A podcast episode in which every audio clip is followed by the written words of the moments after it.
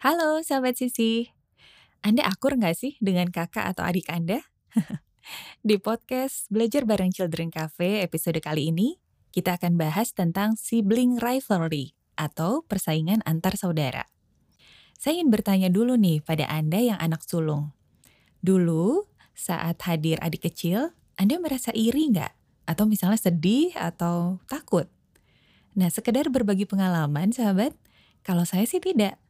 Mungkin karena jarak usia kami tidak sampai 2 tahun. Saya baru bisa lari sedikit, adik saya udah lahir.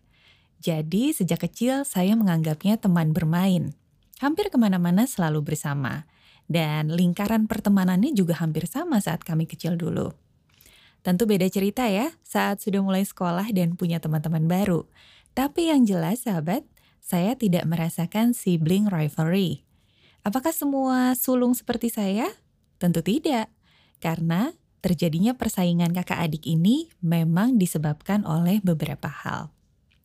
Pertama, karena sang kakak merasa ada yang mencuri dalam tanda kutip ya, perhatian ayah dan ibunya. Selama ini ia diperhatikan, lalu dimanja, dibelikan apa yang diminta. Eh, tiba-tiba ada adik yang lebih diperhatikan. Sekarang kalau mau ditemani main oleh ibu, dia harus menunggu dulu adiknya tidur. Kalau mau minta ayah bacain buku, harus tunggu dulu ayah gantiin popok adik. Pokoknya sekarang ia merasa di nomor dua kan. Jadi kalau muncul rasa sedih atau bahkan iri, itu sangat wajar ya sahabat sisi. Nah, penyebab yang kedua adalah dapat terjadi saat anak merasakan perlakuan orang tua yang tidak adil pada dirinya dan juga saudaranya. Kok kakak terus ya yang dibelikan baju dan mainan baru? Kok adik terus sih yang dibelain mama kalau kami lagi berebut mainan? Kok cuma makanan kesukaan abang sih yang dimasak bunda hari ini? Iya sahabat, sibling rivalry juga bisa muncul pada adik loh, bukan hanya kakak. Nah sebenarnya seperti apa sih kalau sibling rivalry dibiarkan terus sampai anak besar? Nah inilah beberapa dampaknya. Satu, hubungan kakak dan adik akan terpengaruh. Jadi ada jarak yang tercipta sehingga mungkin mempengaruhi kehangatan hubungan mereka.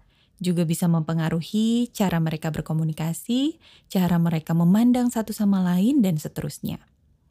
Akibat yang kedua, bisa jadi muncul ketidakpuasan pada cara orang tua memperlakukan anak-anaknya. Anak yang merasa orang tuanya lebih menyayangi saudaranya dapat menjadi anak yang penyendiri, namun sebaliknya dapat pula menunjukkan sikap melawan. Jika ia merasa lemah dan pasrah, biasanya ia akan membiarkan saja perasaan dibedakan itu. Namun, akibatnya dia jadi menarik diri atau bahkan merasa dirinya memang tidak layak dicintai. Sementara, anak yang bertemperamen keras mungkin akan dikuasai oleh emosi marah dan iri, sehingga yang muncul adalah perlawanan terhadap orang tuanya. Akibat yang ketiga adalah terjadinya kompetisi yang tidak sehat antar saudara. Sahabat sisi, jika dalam satu keluarga, kakak dan adik berlomba-lomba untuk jadi juara di bidangnya masing-masing, kita tentu senang ya melihat mereka memiliki motivasi berprestasi yang tinggi.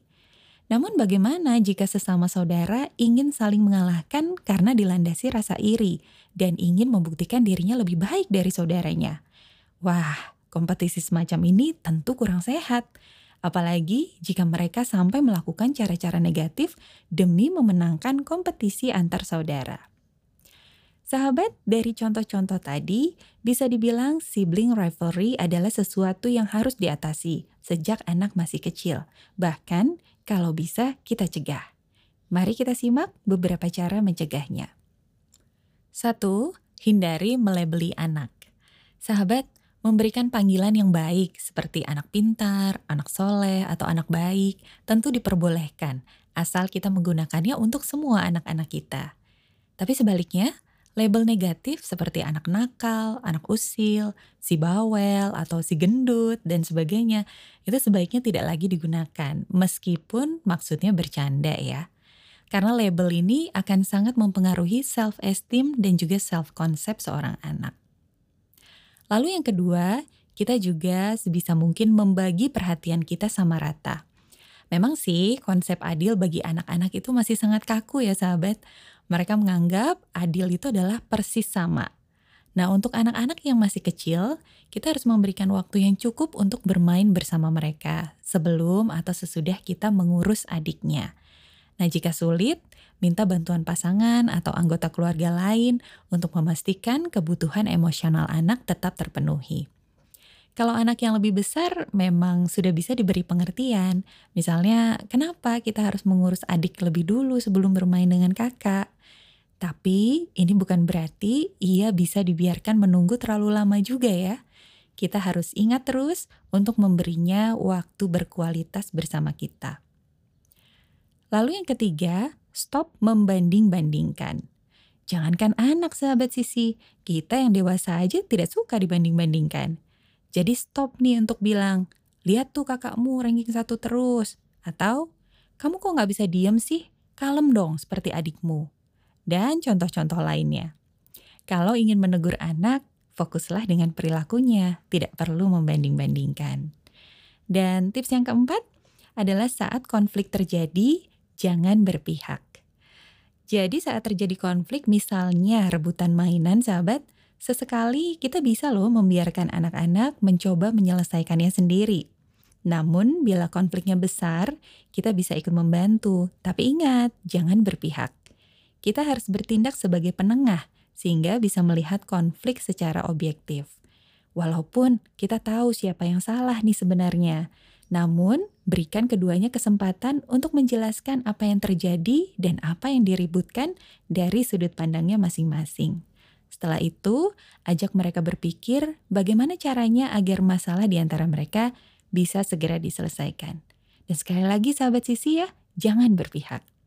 Nah, sahabat, itulah beberapa cara mencegah sibling rivalry pada anak-anak kita. Semoga mereka tumbuh menjadi saudara yang saling jaga dan saling dukung ya. Jangan lupa kunjungi website childrencafe.com untuk artikel seputar parenting dan perkembangan anak lainnya. Terima kasih dan sampai jumpa di podcast berikutnya.